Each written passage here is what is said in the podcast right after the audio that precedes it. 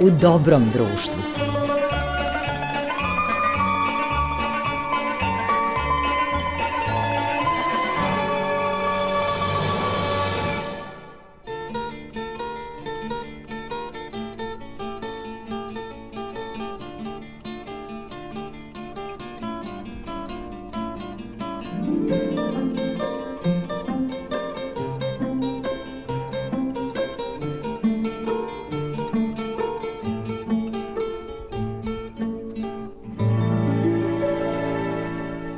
Slušalci, slušate emisiju Dobrom društvu.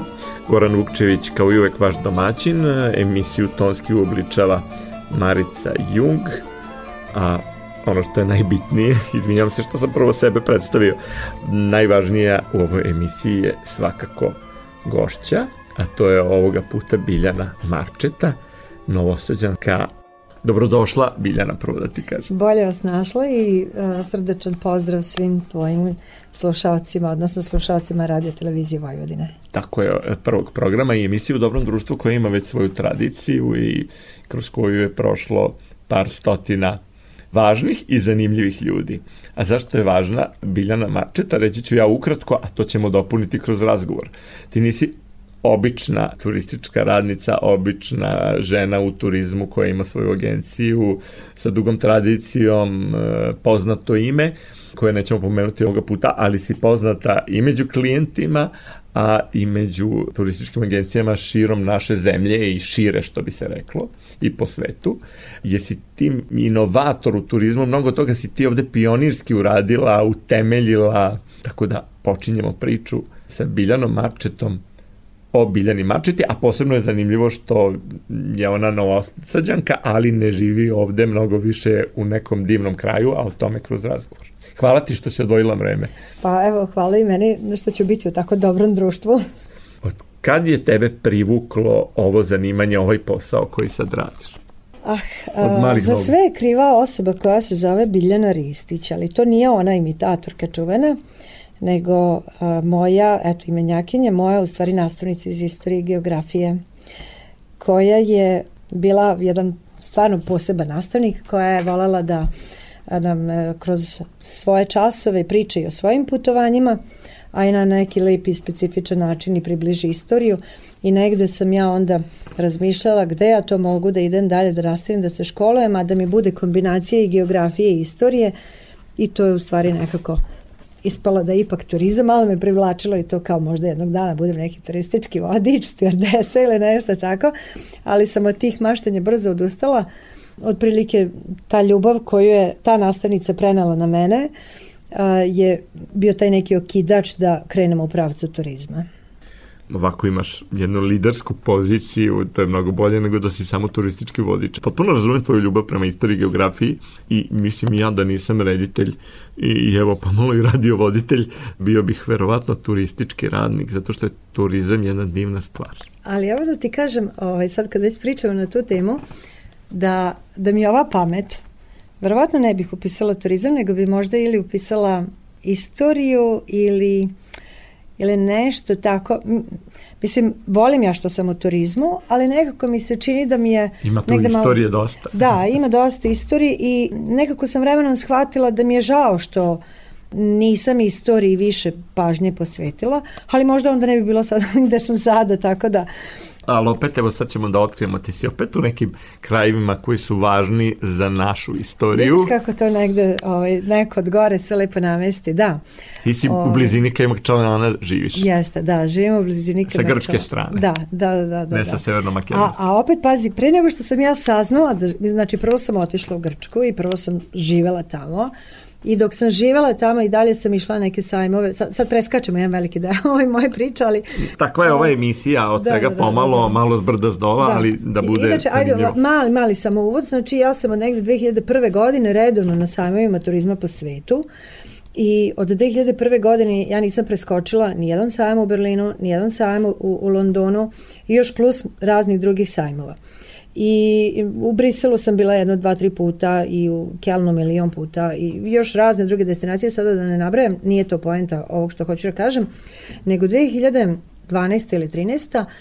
A, na sajmu u Kelnu se predstavlja Belgija i ja vidim na njihovom štandu najava priče 100 godina Prvog svetskog rata.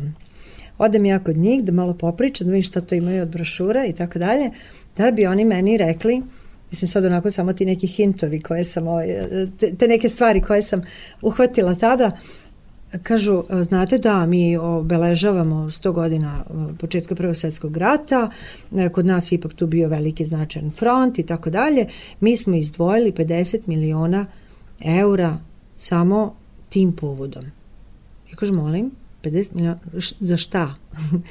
pa kao mi želimo da od toga uh, napravimo uh, i, i ono kao memorialni turizam, da se o tome priča, piše, uh, od tih novaca će se finansirati i pozorišne predstave, izdavanje knjiga i dokumentarne emisije i uređenje muzeja, postavke novih izložbi i tako dalje, mislim, nabrojaš, oni meni svašta, evo ja sad naježim, samo kad se toga setim, a, ovaj, odem da pričam sa našima, kao, i ljudi, ali mi nešto radimo po tom pitanju, ona kao tajac i kao, pa ne znam, pa možda neko ministarstvo nešto. pobednici, da. naši slavni preci, vrlo da, važnu ulogu negde, imala sam. Negde u stvari, taj razgovor sa njima, meni iz toga shvatim koliko mi imamo jak adut u rukama, a izgleda da nećemo ga na dovoljno dobar način iskoristiti. Jer se da. ne ulaže dovoljno. Jer u stvari, da, a oni su već došli, izašli su s brošurama, imala sam ovaj, te brošure, možda su i dalje tu negde u kancelariji, gde su već spremili bukvalno za svaki lokalitet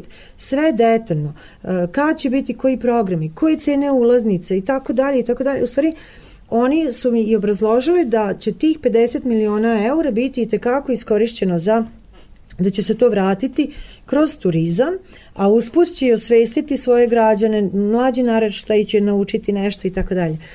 I onda sam ja uzela, kad sam se vratila, rekao, dobro, šta sad ja mogu tu sad sama kao neki pojedinac, mali privatnik i tako da uradim.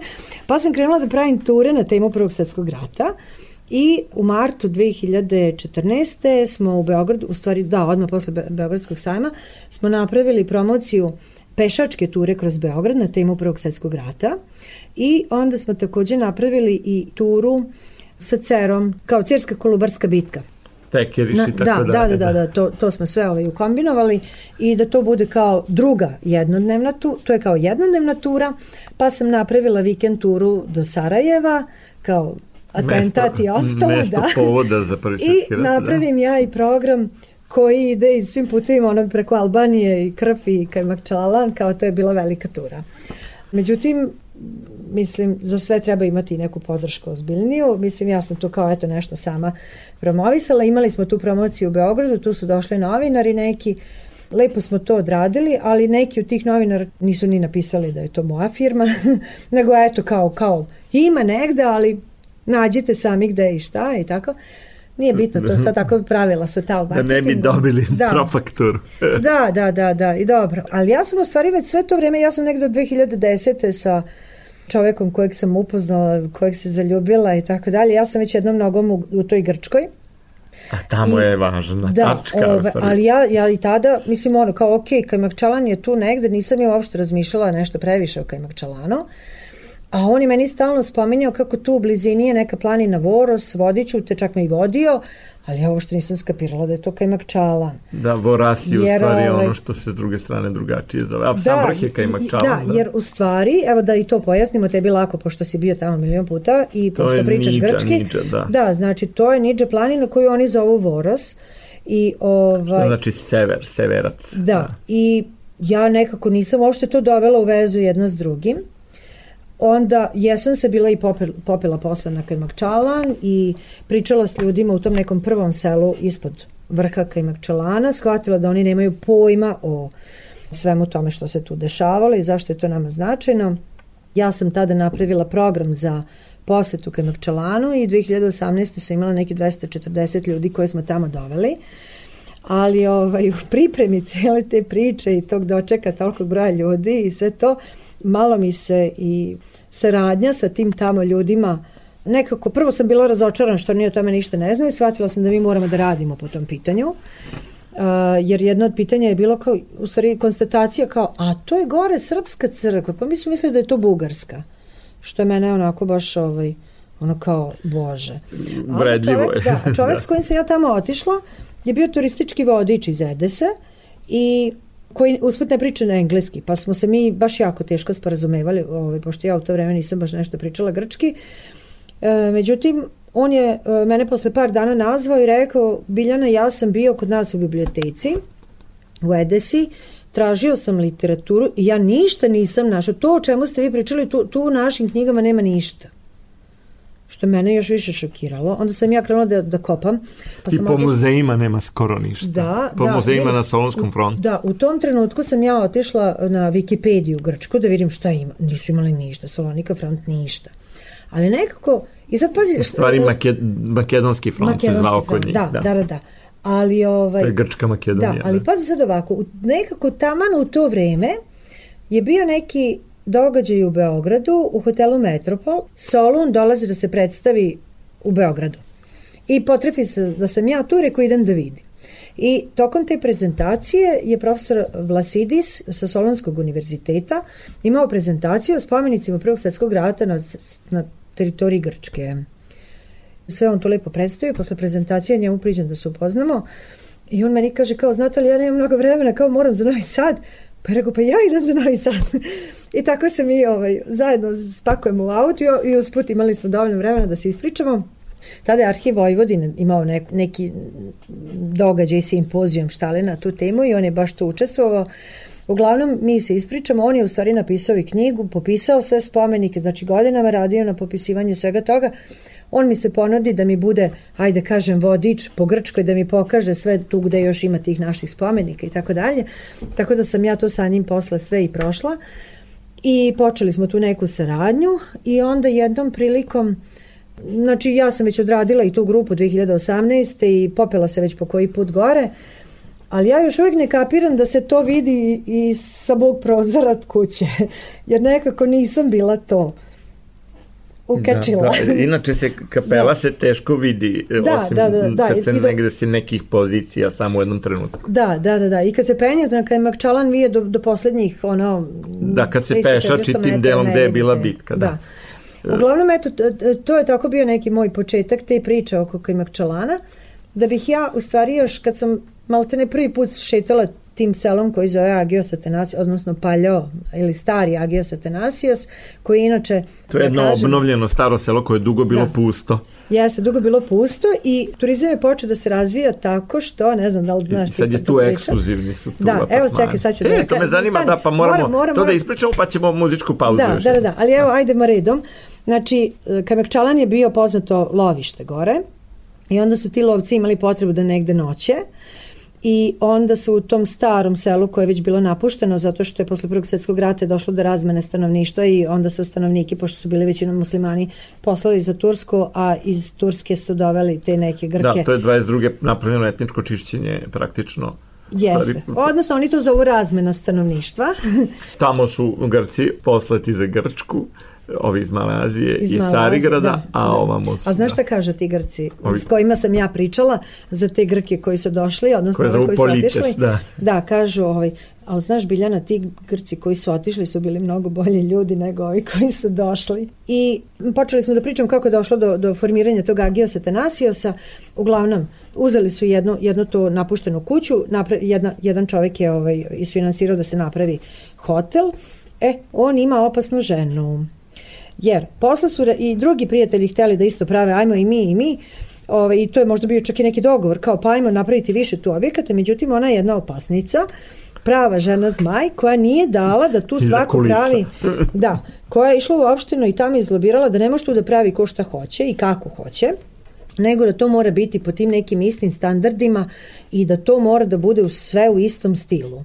Zahvaljujući njoj, mislim, ona je relativno mlada, mislim, mlada, bila je tad je bila mlada, sad je nešto malo starija, mislim, još uvijek je živa žena i radi tamo i super radi hotel i tako dalje, ali ovaj, dakle, zahvaljujući njoj, je taj Agios Atanasios takav kakav je danas. Sačuvao se kao jedna etna kao jedna celina. Etno i ambientalna celina koju bih ja volila Vrlo da- skladna. Da, da, koju bih ja volila da vidi svaki turistički radnik i svaki predsednik opštine i svaki e, Znači, ne čak samo zbog posete Kamekčalana, nego da dođu arhitekti i da vide i kad se kod nas negde planira neka nova destinacija ili nešto da dođu da vide kako to treba da se odradi. Ne u, u smislu preuzimanja istog dizajna, istog ovaj, uh, koncepta e, istog nego, stila arhitektonskog. Nego kako da se isprati tradicija kako da kao se isprati celina. tradicija, a da čak i hoteli sa pet zvezdica i hoteli koji su sa dve, mislim tamo su uglavnom četiri, pet zvezdica, hoteli ili neki mali privatni pansioni, sve je to urađeno u nekom uh, simpatičnom, tradicionalnom stilu, sa ne narušava sklad. Jeste, da. I zaista Istorijski vrlo, duh ne narušava. Zahvaljujući možda čak i tome i plus eto tom ski centru sada, pošto na Kajmakčelanu je ski centar, jedan od najskupljih u Grčkoj, e, možda i jeste baš najskuplje zato što je e, vrlo interesantno urađeno to mesto i eto, ima tih Jeste. nekih... Noćio sam tamo, čudesni su apartmani, da, da. u vrlo luksuznim apartmanima i to preko neke veze s obzirom da je kum tog vlasnika inače moj prijatelj iz Kragujevca. Aha. Šapčanin koji živi u Kragujevcu. Da, da, tako da, da, da. je to zanimljivo. Tačno znamo o čemu govoriš. Da. kod nas mislim jedno samo mogu kao poređenje naravno nije isto to ali Kusturičin Drvengrad je negde sledio to vrlo kvalitetan hotelski smeštaj koji je opet usleđen u jedno u jedno selo sa kolibama Ali na jednom bregu. Ali pre nego što pređemo na tu muzičku pauzu, moram samo još jednu rečenicu da kažem prvi put, već čim sam ja šetala tim Agiosa Tenasio sam, ja sam ovako gledala i snimala gde ima nešto od čega bi mogli da napravimo muzej Prvog svetskog rata. Znači, A čekaj, imali...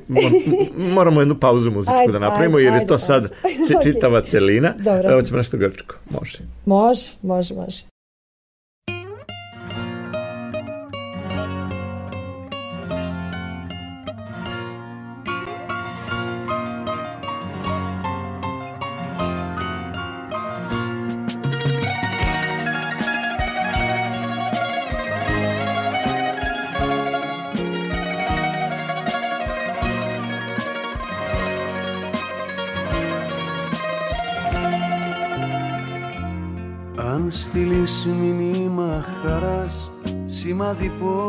Με αγαπάς Αγαπημένη.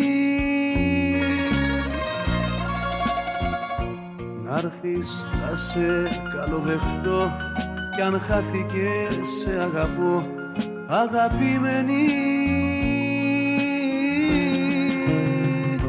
Καλοκαίρια και χειμώνες Περιμένω να φανείς Μακριά καυτά σταγόνες Θα με κενός που να Θα με καίνε, θα με κενός που να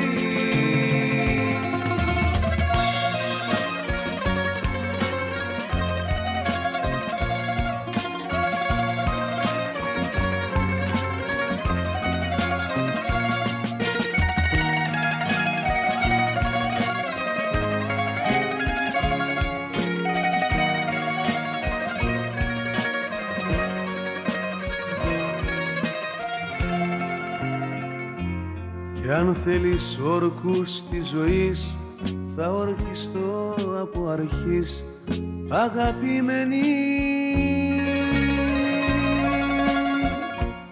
Εγώ στα μάτια σου μετρώ τα περαντώ και το μικρό αγαπημένη. Καλοκαίρια και χειμώνες περιμένω να φανείς Ακραία καυτά σταγόνες Θα με κενός που να ρθείς Θα με καίνε, θα με κενός που να ρθείς Καλοκαίρια και χειμώνες Περιμένω να φανείς. Ακραία καυτά σταγόνες Θα με κενός που να ρθείς Θα με καίνε, θα με κενός που να ρθείς La la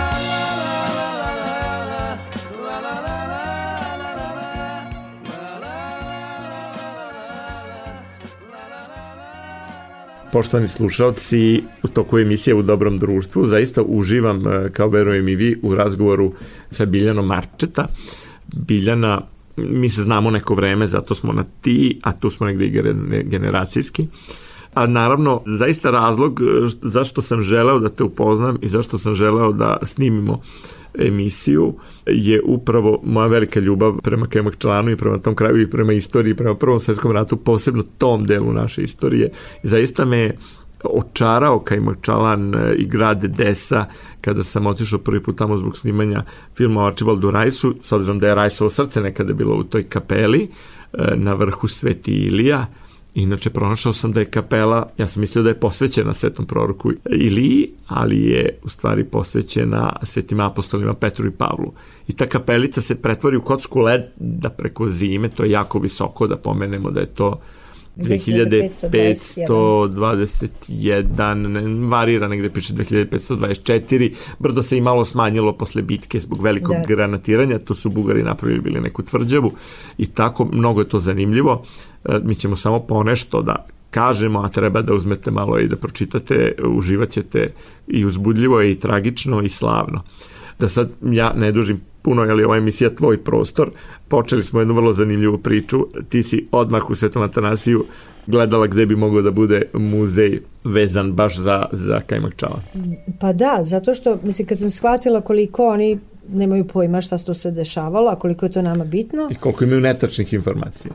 A sad se pojavljuju i netačne. Onda nije bilo ništa, a sad se čak pojavljuju i te neke netačne informacije. Ja sam eto sebi zacrtala za cilj da moram nekako napraviti i sajt u Kajmakčalanu i da on mora biti trojezičan i obavezno i na grčkom, naravno i na engleskom i na srpskom. I to je jedna posebna, ajde da kažem, priča, zato što to nije naravno lako sve realizovati, ali je i tekako potrebno. I mislim da pogotovo eto zbog tih nekih informacija i poluinformacija i netačnih informacija koje su počele da kruže. Zlonamernih. E, čak i zlonamernih, ali ajde, htela sam to da preskočim. Nekako mislim da je nama svima dužnost da to uradimo, jer ako mi već Grke smatramo braćom, velikim prijateljima i tako dalje, onda ne bismo smeli da dozvolimo da neko muti tu vodu i da pravi neki jaz i da neka, neki mlađi naraštaj i uče neku priču neku e, netačnu istoriju. Ili e, neka istoričari kažu šta je bilo i kako je bilo, ali ja mislim da zloupotrebljava se sve pa istorije u svrhu politike. Kao i svuda, mislim, kao što i ne znam, i u Bosni i Hercegovini tamo tri entiteta, deca uče tri različite istorije, e ne bi volila da se to desi sad i u ovoj priči i zato mislim da moramo i hitno da, da delujemo i da uh, priču predstavimo onako kako treba. Mene je lično mnogo razočaralo stvari u to pogledu, baš u tome o čemu da, pričam. ali, ali hajde da kažemo, znači ne radi se tu više samo o turizmu, tu se radi o našim nekim budućim pokolenjima i o našim budućim odnosima i to je sad nešto što mene ono, nešto mi u želucu ne da mira, da tako kažem i zato mislim da to sve treba da se o, o, odradi. Ali dobro, sad smo malo ispreskakali tu neke stvari, nismo pojasnili uh, šta se tu sve dešava i možda i ne treba baš sve ni da kažemo, ali u svakom slučaju ajde da, da zaključimo priču sa time Zaslužujemo da... Zaslužujemo jedan muzej tu, postoji naš da, muzej na i Krfu. to da ne bude, da, i čak bih ja volela da to ipak ne bude ono kako su sad neki planovi, da to bude samo srpska kuća, kao što recimo imamo na Krfu. Zašto? Baš zato da ne ispadne da je to samo mesto gde treba da dođu Srbi. Ja bih volala da na to mesto da se baš zove da je to muzej Prvog svetskog rata, da bi dolazili i Grci, i Britanci, i ovi i oni svi redom i da to bude jedno mesto, a ne da bude kao, e, ovo neka Srbi tamo pričaju šta oni hoće da ne da. bude neka izdvojena priča, eto, zbog yes. toga. ovaj. E, mada svakako nećemo da ovaj, kritikujemo koncept krfa, zato što su zaista ogromna količina posete i velika misija i za mlade generacije. Da, da, da, ali pazi, na, na krfu nije ni mogla da se priča, priča o nekim drugim, osim jasno, jasno. Zato srpskoj smo... priči, a ovde i tekako ima i recimo mene posebno je pogodila uh, priča uh, o, o, o tome da su meni ljudi tamo skrenuli pažnju kao, znaš, ali ovde je bio Ho Chi Minh. Ja kao, e, šta Ho Chi Minh, mislim, Ante me priča. Da to kažemo slušalcima. Ajde. Ho Chi Minh je u sastavu francuskih trupa, ono što je često Đorđe na Zetinliku naglašavao, tu je bilo kao i kod Britanaca, mnogo vojnika iz e, kolonija dovedenih, plaćenih dovedenih, tako da su ratovali za Francusku i za Britaniju, a Srbi su ratovali za otačbinu, to je on uvek naglašavao, pokojni deda Đorđe sa Zetinlika, ali je važno reći da je Ho Chi Minh kao mlad vojnik ono što je vrlo interesantno, hoću to i ovog momenta da i tebi otkrijem, on je bio mlad vojnik, ali preživao je Kajmakčansku bitku, ratovo je rame uz rame sa Srbima, drugovao sa njima, uspao je posle, jeli u revoluciji, tokom revolucije, da zajedno uz Mao Tse Tunga u kineskoj revoluciji otera praktično Francuze kao koloniste posle ratovi sa Amerikom, što znamo iz hollywoodske kinematografije. Dobro, ali samo da kažem ljudima ali, ali je on počasni građanin Edese jer je redovno se vraća da, u Edese. ali vidi, pošto ima široka populacija onih koji će ovo da slušaju, da kažemo, znači Ho Chi Minh je predsjednik, e, bivši predsjednik e, države Vijetnam. Tako je, da, da, dakle, Vijetnam pričamo, nisam pomenuo, da, to je vrlo bitno Pričamo o Vijetnamcima koji, je nekad koji su bio tu deo boravili. Indokine. Jeste, da. da. Znači pričamo o Vijetnamcima koji su tu boravili I ja sam jednom prilikom, dakle, turistička organizacija EDSE i, i tamo ljudi koji se bave turizmom, oni pričaju tu priču. I uh, ja sam dobila i neku prezentaciju i um, kao neke dokaze i svašta tu nešto ima ovaj, kao potkrepljeno nekim dokazima. I ja sam jednom prilikom na Twitteru objavila uh, Oni su ovaj, hteli da to, toga naprave brand, da. Da, i pojavljaju se na sajmovima sa tim vijetnamskim kapicama i tako dalje. Ja ono kao, gde vam je srpska šajkača, šta će vam te vijetnamske kapice i tako dalje. Ono kao, da, da smo tamo imali to? francuske šlemove. Ali čekaj da ti kažem jednu stvar. Ta moja objava na Twitteru je bila jako, ovaj, ono... Popularna. Doživala je mnogo šerovanja ili da kažem deljenja i jako mi je drago da se našao neko ko je sve to podkrepio dokazima i demantom da, demontovao ovo pređašnje, tako je, da. Da. Dakle, ovo što si ti meni sad ispričao, to si ti čuo, znam tačno od koga si čuo, nećemo imenovati, i to je priča koju oni pričaju i to je priča koja meni totalno, pogotovo, mislim, evo, što, ja, znači, ne, ja moram Ali da odmah brendira EDS. Da. da, oni su hteli da tako brendiraju EDS, oni su napravili čak i neke biciklističke sad trke, putevima Hošimina i svašta nešto. Ja sam rekla da je to jedna velika glupost što se tako radi ali uh, imala sam nekako utisak da ne žele da forsiraju srpsku priču iz ne znam opet kojih sve razloga. Pa to se vidi u muzejima, nema nas nigde, da. Da, i zato ja eto mislim da mi trebamo da odradimo to naše, a da onda to nekako inkorporiramo u tu neku svetsku priču, ali evo vidiš mi smo Da, se... svakako je zanimljivo za Košimina da, da se... ali evo, e, ovaj, vrlo je zanimljivi način kako smo se mi upoznali. Upoznali smo se upravo na štandu turističke organizacije Edese, gde e, je meni samo dara nije bilo predočeno da će da ta opština radi evropski projekat na temu Prvog svetskog rata, gde će biti uključena i Italija i ovaj, Srbija i Bosna i Hercegovina, Crna Gora, Albanija i Grčka i Makedonija, Severna Makedonija, pardon. I evo sad izgleda da će ipak biti zanimljivo i taj naš srpski deo priče. Da, ali da, ali, ja nešto radim na tome godinama sa eto, još nekim da, ljudima. I, i da, i onda, i onda se ispostavilo da si i ti radio neke stvari paralelno i zamisli, molim te, ne znam, jesam ti... smo i sastanak kod gradonačelnika, Jel da? sa Joanu, da. Da, a vidi sad ovako, e, ti i ja kad smo se upoznali, ti si meni rekao kako ti hoćeš da praviš neku srpsku kuću gore, a ja sam ti rekla... U samoj Edesi, ja. da, u starom a da, gradu. A ti si hteo u Edesija, ja kažem da je bolja lokacija ono gore, ali dobro, ajde, usaglasit ćemo da, se. Da, možemo da usladimo da, sve. Da, da, da, ali pazi sad još jednu stvar. da se nešto ali uradi sad, za našu istoriju. Ja sam sada došla zbog Novosadskog sajma koji je bio i na sajmu srećem isto još jednog novinara vašeg sa RTV-a, da, da. Kamenka, koji meni kaže i Biljana Milenkovića, da, da, da, da, i koji meni kaže i Biljana, čujemo se ovo, ono, znaš, pravimo jedan istorijski skup gore na Kajmakčelanu, a to je isto bila jedna stvar koju sam ja htela i čak predlagala direktoru turističke Edese da napravimo jedan simpozijum istorijski, da se dovedu i srpski, i grčki i drugi svi istoričari, i da vidimo šta je tu bilo, šta nije bilo, ko priča ovo, ko priča ono, pošto raznih priča nekih ima.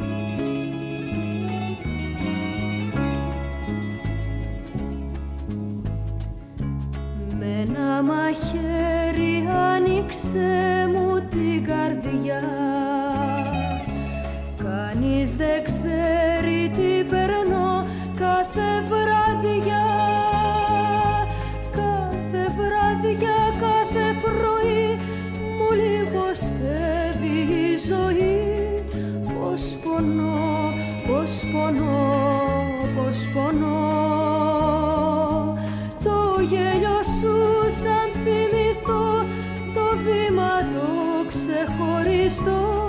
Σ' αγαπώ, σ' αγαπώ, σ' αγαπώ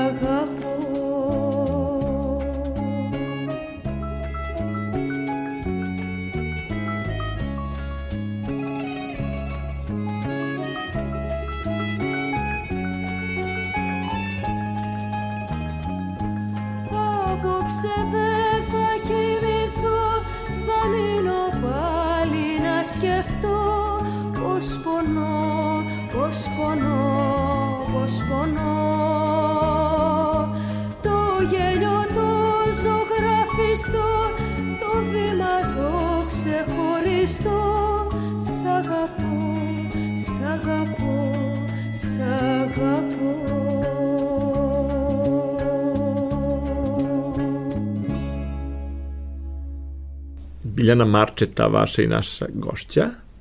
Sad smo došli do Solunskog fronta, ali s obzirom da Biljana živi tamo gde su se odvijale slavne bitke Prvog svetskog rata, u kojima je triumfovala srpska vojska sa saveznicima i prosto divno je kad se uplete u turizam i istorija i, i mnogo zanimljivih stvari.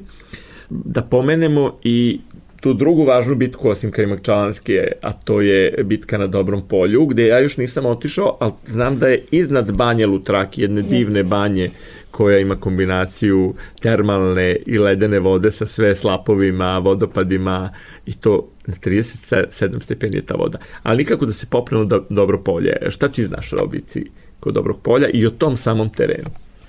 Uh, ja, pa ne bih ja sada da pričamo baš o, o samoj bici kod Dobrog polja, ali ovaj, mogu ne o neke bici, druge, nego da. samoj poziciji. Ne, da, da, da, sad ću da ti kažem, ovaj, ono što je meni bilo zanimljivo, ovaj, A posle ću ja neke sam, da, spomenula sam da sam upoznala tog profesora Vlasidisa koji me odveo i pokazao te neke naše spomenike blizu Požar Lutre, je Arideja, u stvari grad je Arideja, onda u blizini Arideje je ta požar Lutra. I to tu je banja negde, koja se da. zvali požar, što znači ima isto slovensko neko ime, od Jeste, požar, da, a da, si kažu da. pozar. Uglavnom, tu iznad negde Arideje i požar Lutre, tu je negde to dobro polje, nisam ni ja još otišla, zato što kad god sam tela, rekli su da to nije baš ni pristupaš, ne može da se ode kolima, mora nekim džipovima i tako dalje, znači mora se s nekim izdogovarati. To da sam ja čuo, zato da. nismo bili. Međutim, šta je meni bilo uh, zanimljivo tu, dve stvari hoću da kažem. Kad me taj profesor Vlasidis vodio da mi tu sve pokaže, otišli smo na groblje u Orideju, tamo mi je pokazao uh, spomenik uh, Žumadijskoj diviziji i onda smo Koju otišli. ja nisam video, to ćeš mi dati smeniti. Po, po, pokazat ću ti, da. Takođe ima neko selo koje zove Eksi Platana i tamo isto ima uh, šest spomenik, platana. Da, šest platana. Uh, tamo je spomenik Moravskoj diviziji i u samoj Arideji ima stara železnička stanica doveo me onda ja to vidim i kaže, e, ovo, ovo su napravili srpski vojnici pod komandom pukovnika Panjevića. Divno, I znate joj. kako prvi put ono kad čujete neči prezime, ono neko ime, nešto, onda prosto vas onako jeza e, prođe, jer ono dok se priča kao, aha, neki srpski vojnici, nešto, nekako nije, nije toliko uh, Mislim, to me baš onako ovaj, ne, divno je što tu nekako. možeš da istražuješ, da. jako je zanimljivo što svaki put nešto novo saznaš, od 200 grobalja na Solonskom frontu zna se samo gde, gde je bilo 80, za 120 se ne znaju tačno lokacije. Naravno, to nije samo na grčkoj teritoriji, najveći deo je na teritoriji Severne Makedonije današnje, znači prema Bitolju. Da, pa faktički mi, mi stalno spominjemo Kajmakčalan, Kajmakčalan, a u stvari to je bio ceo front od Bitolja pa do, do, do tamo do, do, prema front, Turskoj. Koju Grci da. zovu Makedonikom metopo, makedonski front. Da, da. Pa, e, mada sam ja nailazi da kažu i Salonika front. U stvari ne, na engleskom je Salonika front. Moguće. Da. Da, ali zanimljivo, neka mesta su menjala ima, neka imaju slično, a ne tek poneko je zadržalo isto ime u vreme kad su tu bili logori na Solskom frontu saveznički, a srpski na mnogo mesta. Da. I kad spomenješ logore, ima jedna fotografija koju su mi tamo pokazali. Ja bih voljela da sve te fotografije koje sam videla i za koje su mi još rekli da, ima, da ih ima jako puno u, u privatnom posedu kod raznih porodica, ti ljudi su spremni da daju te fotografije, da napravimo barem digitalne kopije i da na, možemo da napravimo nekakvu izložbu putujuću po Srbiji ili nešto tako ili i da se onda da, završi to. Da, toga još ima u privatnim arhivama. Da, da, da. da, da, da što, ja sam što dobila, javnost nije videla nikada. Da, ja sam dobila godina. kontakte nekih ljudi i trebalo bi eto da ih iskontaktiram i sve to, ali nekako pa to je zgodno za treba, taj muzej, da. Naravno, ali treba za to odvojiti i vreme i resurse i svašta nešto. Nego, šta sam tela da kažem, vezano za uh, dobro polje, da. Ispostavilo se jednog momenta da je opština Arideja htela da pravi muzej na dobrom polju. E sad, Znači, pričamo o opštini Arideja. Vrlo nepristupačno. Ali, če, ali vidi sad ovako. Znači, imamo opštinu Arideja, imamo opštinu Edesa. Ovi iz Arideje su hteli muzej na dobrom polju, a ovi su hteli neku svoju priču. U stvari, ovi prvo nisu ni hteli, gurali su tu priču o Hošiminu.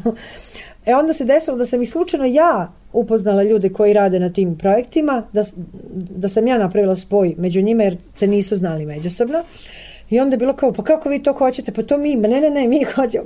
Gotovo da je nastala neka vrsta male konkurencije sad između dve opštine koja će tu da uzme primat i oko evropskih fondova i svega. Kao što smo mi konkurencija s ovim muzejom. Da, da, da, da, da, da, dobro. E, tako da meni e, taj deo bio zanimljiv, ali ja sam im odmah rekla, rekao, znate šta, pričao da se pravi muzej na dobrom polju, mislim, pošto sam ipak turistički radnik, sad možemo i na tu temu da se vratimo, Mislim, ako na dobrom polju nema turista koji inače da dolaze, nema svrhe napraviti muzej u koji će doći jedna, dve grupe nedeljno ili u, u, u toku dana. Znači, nekako mislim da to baš nije dobra lokacija. Za razliku od Agiosa Tenasiosa ili eventualno Edese, znači tu možemo još da ti ja diskutujemo pa da vidimo ko će da, dati jače argumente. Pa ovaj, možemo na obe lokacije da radimo. Da, ali evo samo da kažem ja zašto mislim da je ovaj, Agios Atanasios bolje mesto. Pod broj 1 znači Agios Atanasios je destinacija koja živi samo zimi, a ima neki 2-3 hiljade ležajeva smeštenog kapaciteta koji je leti prazan. A, nama je Kajmakčalan značajniji leti, da se penjemo leti, mi volimo da to doživimo kao neku vrstu hodočašća. Zimi je opasno. Zimi, zimi je I, i gotovo nemoguće. I gotovo nemoguće, odnosno mogu skijaši, znači nije to za neki masovniji turizam. A s druge strane, pošto bi i zimi radio taj muzej, onda bi svi oni ti skijaši imali prilike da posete i vide jedno takvo mesto i nauče nešto eto i o tim našim odnosima i o srpskoj istoriji i tako dalje. To je vrlo zanimljivo. A opet Edes ima svojih prednosti i da, drugih. Da, a Edes je destinacija koja ima jako mnogo turista koji dolaze na jednodnevne izlete i sa Halkidikija turisti i dolaze ovako, pre svega zbog onih vodopada. Edesa se zove kao Vodena, stari naziv je Vodena, prepuna je voda, ima da, predivne vodopada. Zove se Voden ili Vodena, ima najveći vodopad u naseljenom mestu u Evropi. Jeste i da kažem da jedan od tih vodopada ima, može iza da se prođe i onda kažu kao ko dođe tu i zamisli želju, želja ćemo se ostvariti, meni za zaista jedna želja ostvarila. Aj nekako se Aj, očisti energija, je očist, takav je Da, divno je, zaista je divno. A, iz, a čak iza vodopada ima i divna mala pećinica koju isto vredi posetiti, tako da Evo sad kad to pričamo, postoje fotografije gde srpski vojnici poziraju ispred vodopada. Oh, to postoje nisam video, ali ja imam da, svojih da. dosta. postoje fotografije kako srpska vojska ulazi u Edesu, baš tu sa starog puta i tako dalje. Znači, Edesa već jeste destinacija gde neki turisti dolaze, I u Edesi ima stara kuća gde su boravili, uh, gde je bio štab srpske vojske i gde su boravili kralji Petar i Aleksandar. Međutim, zašto ja mislim da je bolja ova magija za Tenasius? Zato što već u, u samo Jedesi, obzirom da je jednodnevna destinacija, već ima previše sadržaja da se plašim da ovi ljudi koji dolaze već zbog ovih nekih drugih razloga neće imati vremena da odu tamo. I onda nekako mislim da prosto treba ciljati drugu ciljnu grupu, znači u Agiju se te nasreće... Ne sudaraju se ciljni. Da, znači doći će ljudi sa letnjih destinacija koje zanima da se popnu na Kajmakčalan, jer im ovo dođe usput, I imamo kompletno celu zimu, njima gore ima snega i zimska sezona traje od novembra do, do maja meseca, malte ne. Znači imamo dobrih šest meseci ovog zimskog turizma, da turisti koji su već tamo i koji ono, od skijaju, ali neko nekada i ne skija jer je ne znam neka mećava i, i, i dosadno im je I onda eto... U banji banja, mogu ono, da posete 365 dana u godini i da uživaju zaista. S tim da je banja s ove druge strane, znači s druge strane Kajmakčalana i Uh, može i ona biti dobra destinacija, ali ona je opet bliže dobrom polju. Onda nije priča o Kajmakčalanu, nego o dobrom polju.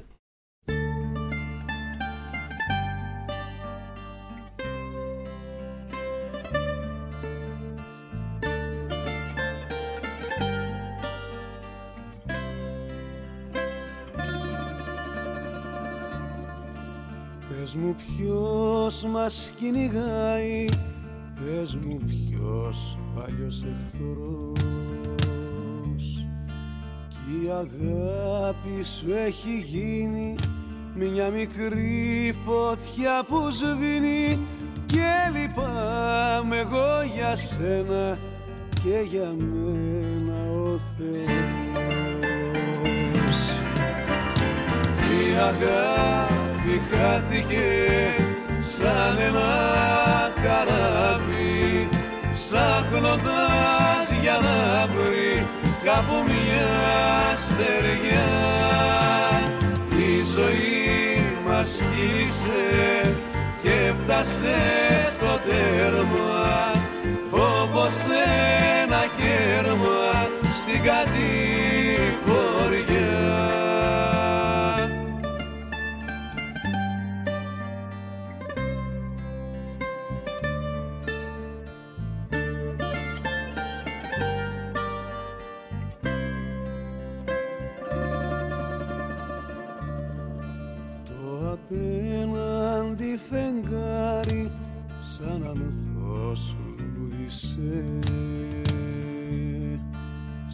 στο μαΐ μου να κλεισμένο σε έναν κόσμο ξεχασμένο. Στο μαΐ μου να κλεισμένο που για σε τραγουδίσε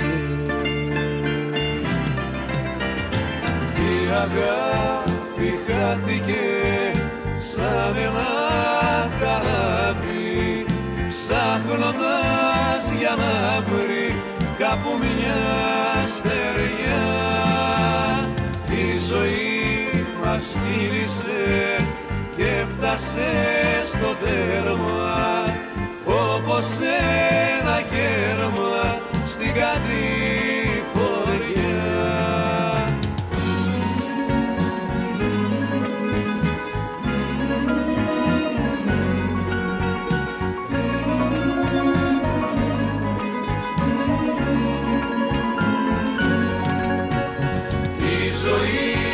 μας μίλησε και έφτασε στο τέρμα όπως ένα γέρμα στην κατηφοριά.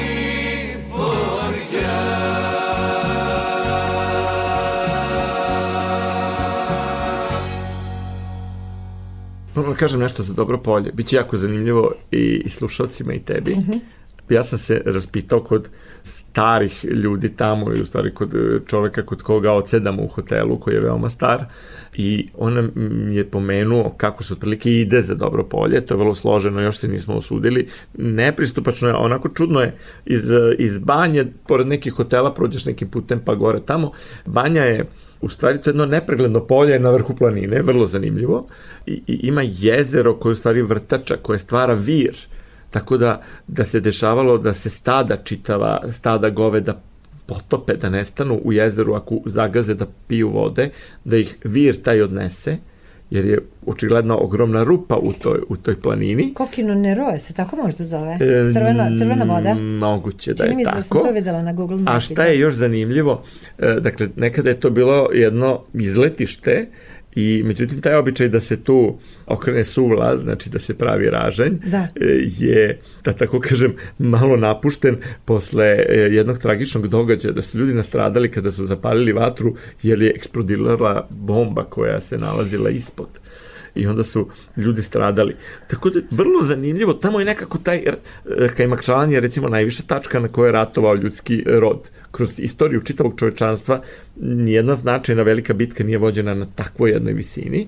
Ja se I, čak i pitam šta smo tamo tražili. Strateško je mesto, dakle, moglo je da se gleda od albanske do bugarske granice. Bugarska granica je bila mnogo, to je bio mnogo da, kraći moguće. raspon nego ja, danas, jer se da. Bugarska da. povukla kao gubitnik da. u Prvom svetskom ratu. Da, ja, ja živim na 42 km vazdušnom linijom od, od Kajmakčalana i zaista se vidi i zaista jeste strateško mesto, ali kad samo pomislim kako je to logistički trebalo odneti oružje, municiju. Bila je ta pruga usko koloseka. Pa jeste, ali pruga do Oride. Da. A ti od Arideja do Kajmakčalana imaš tri dana jahanja. Jeste, i, i, i srpska vojska je unosila tu municiju i zaista, zaista mi ne znamo kakvu su muku ljudi prošli. Sad se da. neko žali kad se penje tih poslednjih dva sata, a i uvek kažemo gde su ljudi pod opremom ginuli i ratovali i ginuli. Ali ajde samo da sad malo, evo, pošto su e, na poslednji minuti. da, da, ali ne, izvini, molim te. Da, samo da kažemo, evo, za sve one koji budu hteli da jednog dana posete Kajmakčalan, dve, tri stvari da znaju.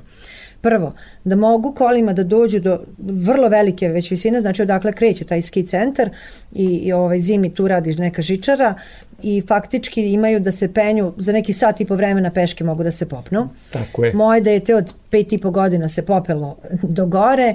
U onoj grupi iz 2018. sam imala neke, neke ljude koji su imali po 86 godina, popeli su se bosi jer su hteli da im to bude kao neka vrsta hodočašća i ja sam na sajtu koji zove serbianadventures.com stavila, piše Kajmakčalan privatna tura, gde sam dala smjernice kako ljudi sami mogu da od Evzonija bukvalno prođu, dođu do Kajmakčalana, obiđu sve u, u, okolo, otprilike im treba jedno 4-5 dana ako hoće da vide sve lokalitete koje preporučujem da se obiđu. To ne košta ništa, znači nije komercijalno, nije... Da, ja ovaj- sam otišao 35 puta u sobstvenoj nekoj da. zamisli Ali eto, za one koji nisu bili ili, ili bi hteli da ne znam s neke letnje destinacije odu i popnu se, mogu da pogledaju tamo, da to vide i samo stoji naznaka 1000 dinara da ako neko uradi rezervaciju, to se ne plaća, to će biti ako budu hteli, mi ćemo, znači samo nam treba da neko ko smatra da su mu informacije bile značajne, ako hoće da ostavi svoje podatke i onog trenutka kad mi budemo počeli da pravimo sajt, onda ćemo sve obavestiti pa ćemo tražiti neku vrstu donacije da, da bismo eto ljude koji žele da pomognu u svemu tome i prikupljanju građe i prevođenju i postavljanju na sajtove i tako dalje nekako da mogli da angažujete da, da, da, da, da, angažujemo i da, i da budu na neki način plaćeni. Da meni je divno što smo ovo pretvorili u priču o istoriji o Kajmakčalanu prosto treba se setiti predaka toliko decenijama nisu ni pominjani ni u učbenicima yes. čitave generacije nemaju pojma. Eto, moja generacija je recimo učila u detalje fanzive, a prvi svetski rat je bio samo jedna Učili smo uzrocima, povodu i uzrocima, ali Platforma nemamo... Mamne. Da. Da, ali dobro mislim na temu Prvog svetskog rata, sećam se, bar ta moja Samo nastavnica, to, yes. ta moja nastavnica, evo s njom da završim. Povod je uzrok. Ovaj, da. Kao, ovo su bili uzroci, ovo, ovo je bio povod, deco. Ja mislim da ima još i nekih skrivenih povoda o kojima se možda nedovoljno priča, ja sam posle istraživala i neke strane izvore pa sam našla neke zanimljive pretpostavke zbog čega je uopšte došlo do, do prvog svetskog rata da, pa i nafte i... U, u, u Persiji i, i industrijske da revolucije da u Britaniji i tako dalje, možemo na tu temu, ali nemamo pa, vremena. Mnogo toga iz istorije ne. nije spontano, nego je podmetnuto i nažalost mi smo tu izgubili ogroman deo stanovništva. E, u isto vreme kada je postojala mlada Bosna po Evropi su postojale još mlada Češka, mlada Italija i tako dalje, a financijeri su im bili britanska tajna obaveštajna služba. a bili su imala da Turci u salonu Falcon. Bilo ih, da. Bilo je Eto. svega. Da, evo, sad smo u istoriju mnogo to bi sad moglo da bude serija razgovora, ali zaista mnogo sam i ja saznao, iako istražujemo iste stvari. Eto, da. Sad nismo mnogo još rekli možda o tebi, ti si odrasla ovde u Novom Sadu. Da, sa nepunih 20 godina otvorila svoju agenciju jer za studije turizma u Dubrovniku nije baš bilo novaca ovaj, u mojoj porodici pa sam onda nastavila u stvari studije u Sarajevu vanredno da bi, da bi mogla da i radim i zarađujem i nastaviti taj posao. Uvijek sam se trudila da nešto radim drugačije. 90. za vreme sankcija smo radili sajmove po inostranstvu. Kasnije sam ja krenula u tu receptivnu priču. Nekako verujem da naša Srbija, u stvari, pošto sam imala prilike i mnogo da putujem tih 90-ih, shvatila sam koliko nam je zemlja jako lepa i shvatila sam da, da ova zemlja može da živi od turizma ako se to na adekvatan način razvije i promoviše. Sa nestrpljenjem sam od 2000. te čekala da nešto krene po tom polju, ali sve je išlo jako sporo i eto tako, ovaj, neki od mojih većih projekata, ljudi i, i slušalci Radio Vojvodine me znaju kao neko ko je radio projekat Bogatstvo različitosti 2011. godine gde smo 45 sela animirali da predstave svoju turističku ponudu, izabrali 10 najboljih, pa posle dodali još neka sela, dali vetar u leđa nekim selima da se razvijaju turizmom. 2015. eto isto iz Grčke sam odradila vinski pasoš Srbije. Da, čuveni ovaj, vinski pasoš. Da, tako da eto bilo tih nekih mojih projekata. Prosto meni je turizam, ja smatram da je turizam jedan alat za prosperitet destinacija, ne samo prosperitet nekih destinacija, nego i da poštujemo više ono što imamo i svoju istoriju i svoju tradiciju i svoju gastronomiju i šta god, uh, stare zanate i tako dalje i tako dalje.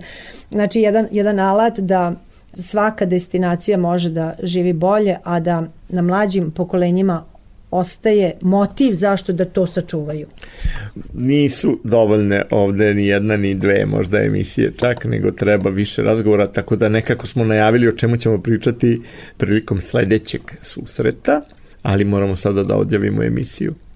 Bilo mi zadovoljstvo, neću više ništa Meni dodati. isto mogo bi još satima da pričam. Dvoje, da. da, da, da. Na radio je najgore da se čuti. Da, da, Mora se pričati. Da. E, niko neće zameriti e, kad je mnogo priče, ako je priča zanimljiva. Da, nadam, nadam se da je bila zanimljiva. Malo, malo jesmo bili s brda s dola, jer se nismo baš striktno dogovorili e, ti si imao ovde mnogo, da. mnogo obaveza. Dobro je da smo uspeli da se nađemo da ovaj razgovor zabeležimo.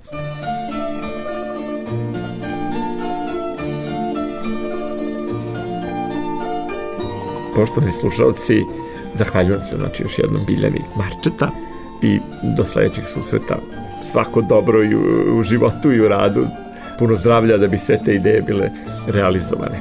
Ovu emisiju možete slušati u repriznom terminu posle vesti od 16 časova četvrtkom, takođe i na našem sajtu radiotelevizije Vojvodine rtv.rs pod opcijom odloženo slušanje. Marice Jung uobličava ovu emisiju, a vi ostanite u dobrom društvu.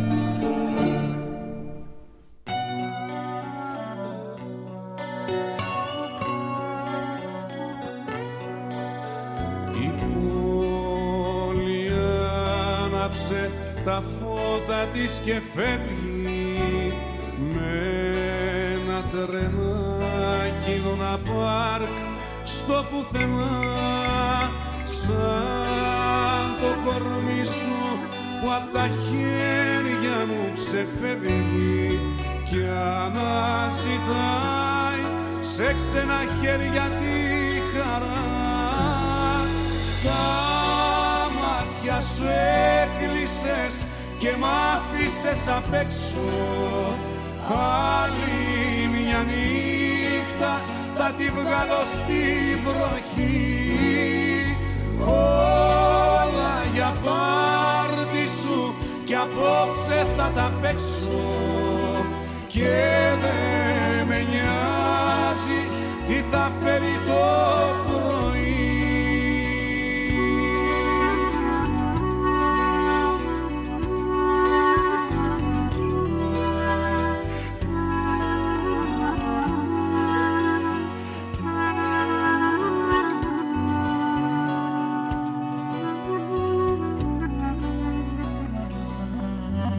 μεταμορφώνεσαι σαν δούσα στους δρόμους.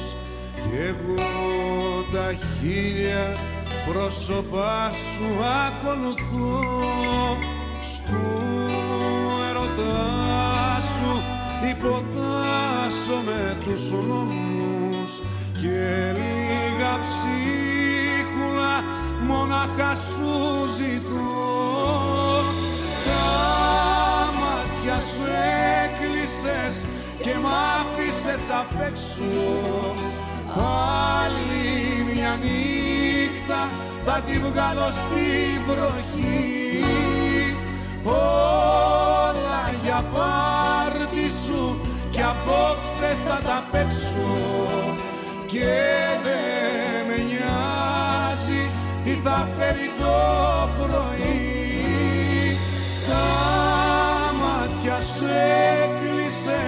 και μ' άφησες απ' έξω. Άλλη μια νύχτα θα τη βγάλω στη βροχή. Όλα για πάρτι σου κι απόψε θα τα παίξω. Και δεν με νοιάζει τι θα φέρει το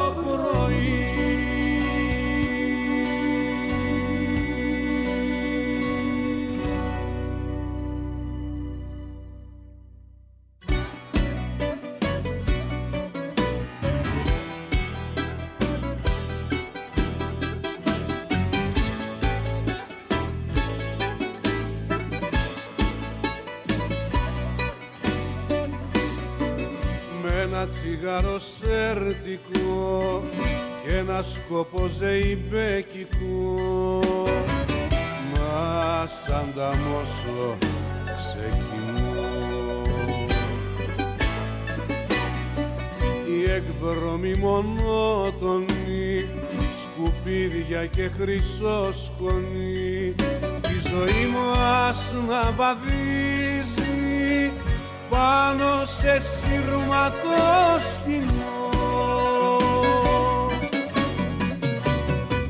Πράσινο μπλε του παπαγάλου κι η μοναξιά στο κόκκινο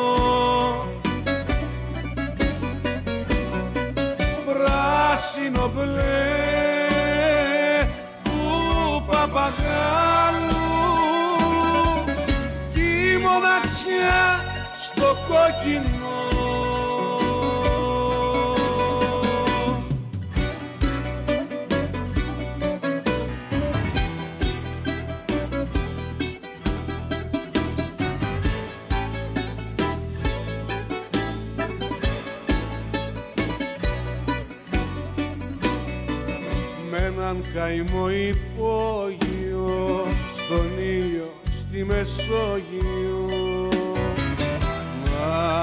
μα σαν τα μόσο ξεκινώ οι φίλοι στα γρανάζια τους τα φρένα και τα γκάζια τους. Η Ελλάδα να αρμενίζει με μια ελπίδα κόσκινο